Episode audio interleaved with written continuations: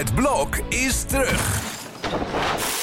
Vier koppels, vier bouwvallen, vier verbouwingen en dus een hele hoop stress. Het blok, iedere werkdag om half negen bij net vijf.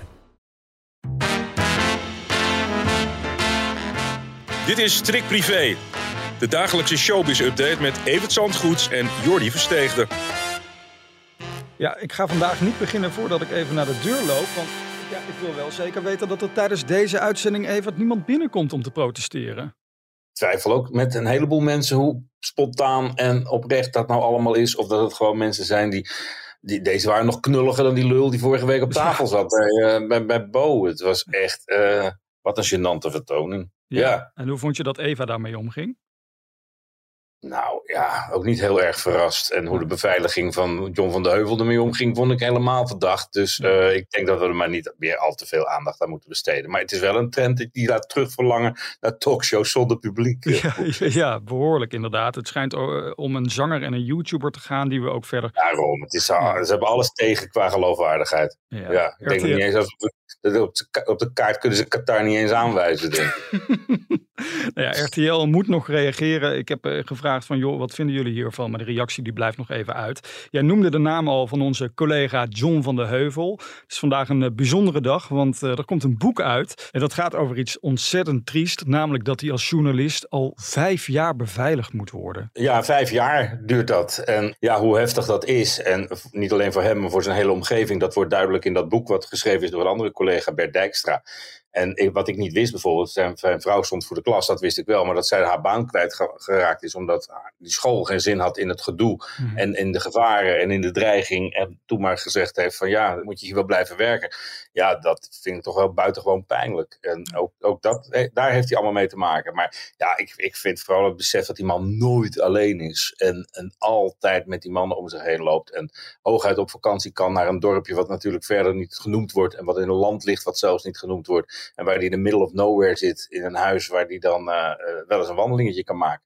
Ja, het is toch wel, eh, het is wel ernstig gesteld met hem. En het einde daarvan is niet in zicht. Want, zegt John, zelfs al zou ik geen journalist meer zijn, dan blijft die dreiging. Ja, in dat boek eh, heeft John het ook over de laatste weken van eh, Peter R. de Vries. Hè, waarin hij eh, nou ja, ruzie ook had hè, met, met hem. En dat is nooit meer goed gekomen. En toevallig vandaag op deze dag verschijnt ook het boek van Tamina. Hè, de vriendin van Peter R. En nu is de vraag, gaat er bij die presentatie vandaag, en dat vraag ik aan jou, gaat er ook familie van Peter R. bij zijn? Wat denk jij? Moet ik niet, want eh, de, de verhoudingen zijn niet al te goed. Hè? Iedereen twijfelt eraan of, of Peter wel gewild had dat dit boek zou verschijnen met al die privé, dit intieme privé-details. Mhm. Eh, de familie heeft zich tot nu toe nooit over haar uitgelaten zelfs.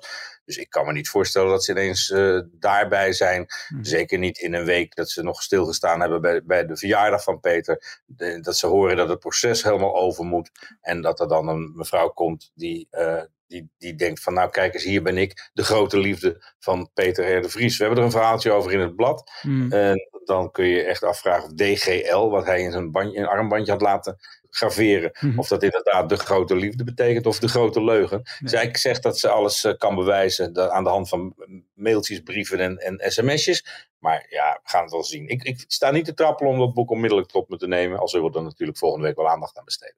Wie eh, vandaag de krant openslaat op pagina privé, die ziet een eh, foto van het graf van Pierre Cardner. En die foto die doet zoveel met mij, want het zegt volgens mij ook zoveel over het intieme afscheid wat hij gehad heeft. Ja, dat moet heel klein geweest zijn. Afgelopen vrijdag in alle vroegte. Ik begrijp zelfs voordat de begraafplaats voor het publiek geopend werd, eh, heeft daar een, een kleine plechtigheid plaatsgevonden met vrijwel niemand erbij. Dat zie je ook aan de bloemen op dat graf. Het is maar één, één, één stuk eigenlijk en wat losse rozen. Ja. En ja, dat is een moment geweest waarop zij afscheid hebben genomen van de grote vader Abraham. Maar wat wel in een schril contrast staat tot zijn hele drukke carrière. En de populariteit die hij in de jaren 70, 80 genoot. En eh, ja, die hem zijn leven lang is blijven achtervolgen. Omdat hij wel de schrijver is van het Smurfing Ja. en het Café. Ja. En daar lig je dan in je kuil. En dat is toch wel ontluisterend dat dat het einde is van zo'n uh, van zo'n groot artiest. Ja, in het blad ook een uh, uitgebreid eerbetoon aan hem. Ik wist bijvoorbeeld niet hoe die überhaupt aan de naam vader Abraham was gekomen. Staat al wel nou, nu wel. Ja, precies. Daarvoor moet ze hollen naar de winkel.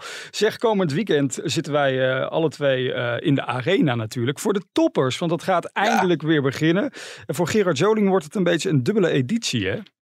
Ja, zijn moeder is er niet bij. En, en, en, net als de moeder van René Vroger, overigens, die heeft dat verdriet al eerder beleefd, is dat wel een groot gemis. Want ja, Jannie Joling was altijd bij de toppers. Ik denk dat ze van de, alle edities in de loop der jaren er niet één gemist heeft. Beatrix had heel graag een keer naar de toppers gewild. Maar ja, in die koninklijke loge zat Jannie dus dat, dat, ging niet lukken. Nee. Dus dit is de kans van de leven. Maar het is voor Gerard wel een, uh, ja, wel een, een, een, moment weer. Ja. Uh, Jannie is in januari overleden. Je moet overal een keer doorheen. Maar ja, de eerste keer toppers zonder Jannie. Terwijl ze wel naar die loge gaan om iemand te, te, te eren. Dat is wel een, uh, een, een, een hard gelach. Ja, maar ik weet zeker, al die bezoekers die gaan hem daardoor heen trekken. Dat wordt weer een, een groot zeker. feest. Wordt er een groot feest, twee avonden lang. Ik ga vrijdag. Jij? Ik ga zaterdag. Wat trek jij aan? Het is flower power natuurlijk. Nou, een bloemetjesbloesem. Oh ja, dat ja. heb ik nog natuurlijk. ja. Zeg, um, we hadden het net al even over het blad. Hè. Uh, uitgebreid daarin ook snollebolletjes aan het woord. En dat is eigenlijk best wel uitzonderlijk. Want hij laat zich niet echt uit over de kritiek die hij krijgt. Maar bij ons wel. Wel uitzonderlijk. Het is uh, heel bijzonder. Want zoveel ja. interviews heeft hij niet. En hij is vrij open over wat hij nou zelf zingt en wat hij niet zelf zingt. Hij beweert wel dat hij elke maandagochtend schor is. Dat is in het weekend heeft hij zelf gezongen. Maar ja, hij zegt het is gewoon een act. Ik, ik voer een act op en, en, die is door meerdere mensen bedacht en uitgevoerd. En je ziet versies van liedjes in de loop der jaren ook wel veranderen. Nou, daar is hij vrij open over. Ook over zijn, uh, zijn, zijn, zijn acties tegen bepaalde programma's waar hij niet zo blij mee was. Ja. En daarover zegt hij onder andere van ja, er zijn twee mensen in Nederland die nooit uit de slof mogen schieten, die nooit boos mogen zijn. Frans Bauer en ik. Ja. En uh, het, is een, het is een grappig verhaal geworden, wat ik uh, met plezier gelezen heb. Ja, ja je kan het op twee manieren brengen. Hè? Ik, ik zie hem vooral als een bevlogen iemand die echt staat voor zijn product, voor zijn merk. Ik heb zelf ook wel eens een telefoontje van hem gehad. Als hij het ergens niet mee eens was, dan kan hij inderdaad wel eens een beetje uit zijn slof schieten. Maar ja, ik vind dat gewoon alleen maar betrokkenheid eigenlijk. Dus, oh ja, en die bevlogenheid zie je vooral bij chansons, vind ik, wat hij daar allemaal vanaf weet. Dat is, ja. dat is uh, uh, heel, heel grappig en, en heel bijzonder.